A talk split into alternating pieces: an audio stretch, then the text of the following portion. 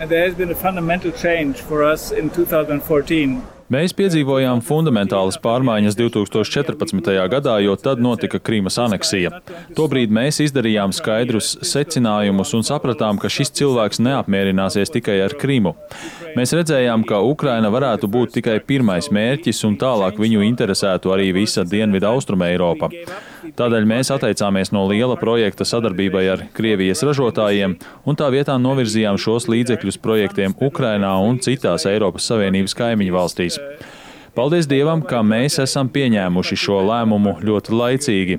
Līdz ar to tagad mēs aktīvi strādājam Ukrainā. Mēs to labi pazīstam, cilvēkiem ir pieredze, un tāpēc es domāju, ka mēs varēsim panākt jūtamu rezultātu. Starp starptautiskajām finanšu iestādēm ir dabīgs pienākumu sadalījums. Mēs spēlējam savu lomu un gribam to turpināt darīt. Mūsu gadījumā tam ir vajadzīgs atbalsts no Eiropas Savienības dalībvalstīm un Eiropas komisijas, jo ja mēs, piemēram, ieguldām infrastruktūras projektos Ukrainā un finansējam tilta izbūvi, ko nesen jau sagrāva Krievijas armija, tad pastāv iespēja, ka to atkal sagraus. Līdz ar to tam ir augsts risks un šo risku ir jāatsver. Tādēļ mums ir vajadzīgas Eiropas Savienības un visu dalību valstu garantijas.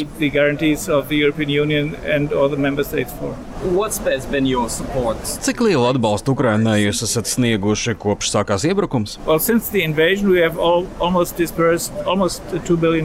Kopš sākās iebrukums mēs esam izmaksājuši gandrīz 2 miljardus eiro. Ātrums šajā gadījumā nav pats svarīgākais, tomēr ir būtiski, ka cilvēki var paļauties uz izvēlēto virzienu un to, ka nauda nonāks tur, kur tā ir nepieciešama.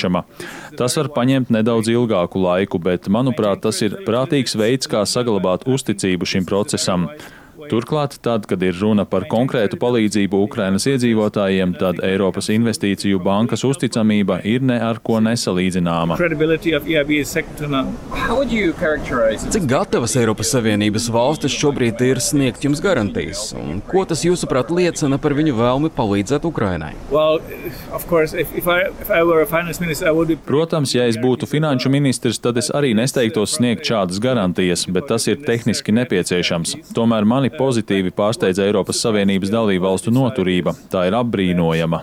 Valdības tagad sāk izjust spiedienu no saviem vēlētājiem, kuri vaicā, cik ilgi tas viss vēl turpināsies, kāpēc mēs vēl neesam panākuši veiksmīgu iznākumu. Tāpēc mums būtu ne tikai jābrīno Ukraiņu noturība, bet arī pašiem jāpaliek noturīgiem un jāsaka, ka esam uz pareizā ceļa un turpināsim atbalstīt Ukrainu. Jūs piedalījāties sanāksmē par atbalstu Ukrainai, un tās sākumā Startautiskā valūtas fonda vadītāja Kristalīna Georgieva sacīja, ka Ukraina ārkārtīgi labi tiek galā ar saviem uzdevumiem par spīti ļoti sarežģītai situācijai. Vai jūs piekrītat viņas viedoklim?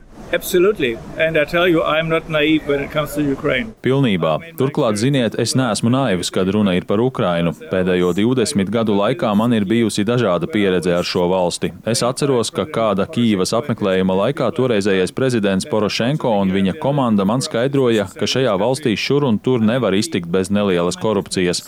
Pašreizējā valdība nopietni cenšas to pārvarēt, un mums tas būtu jāatbalsta.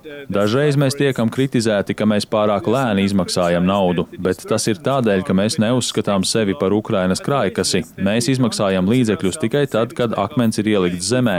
Tas nozīmē, ka mēs tērējam naudu tad, kad tā tiek tiešām izmantota tiltiem vai universitātēm vai dzelzceļa sliedēm, kas ir nepieciešamas.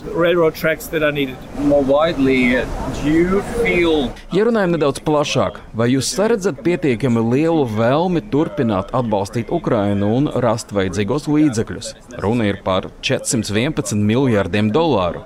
Protams, ka ne visa nauda ir vajadzīga uzreiz, bet tik un tā tā ir milzīga summa. Jā, tā ir milzīga summa. Kad es oktobrī Berlīnē piedalījos Ukrainas samitā, es teicu sanākušajiem, ka viņi mētājas ar skaitļiem, ko neviens Eiropas iedzīvotājs līdz galam nevar saprast.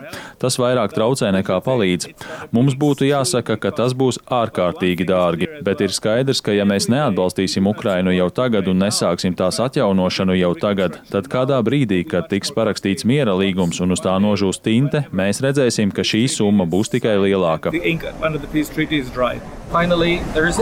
Visbeidzot, izskan arī kritika, ka visi šie aizdevumi iedzīs Ukrainu pārāk lielos parādos, ko tā nekad nespēs atmaksāt. Tāpēc viņiem drīzāk vajadzētu piešķirt, nevis aizdot naudu. Kāds ir jūsu viedoklis par to? That- that's true. I mean, it's quite clear Ir skaidrs, ka Ukrainai vajadzēs piešķirt daudz naudas. Mēs nevaram to piešķirt tāpat vien, jo mums šī nauda vispirms pašiem ir jāaizņemas. Tādēļ mēs varam tikai iedrošināt mūsu akcionārus, Eiropas Savienības dalībvalstis, piešķirt vairāk grantu.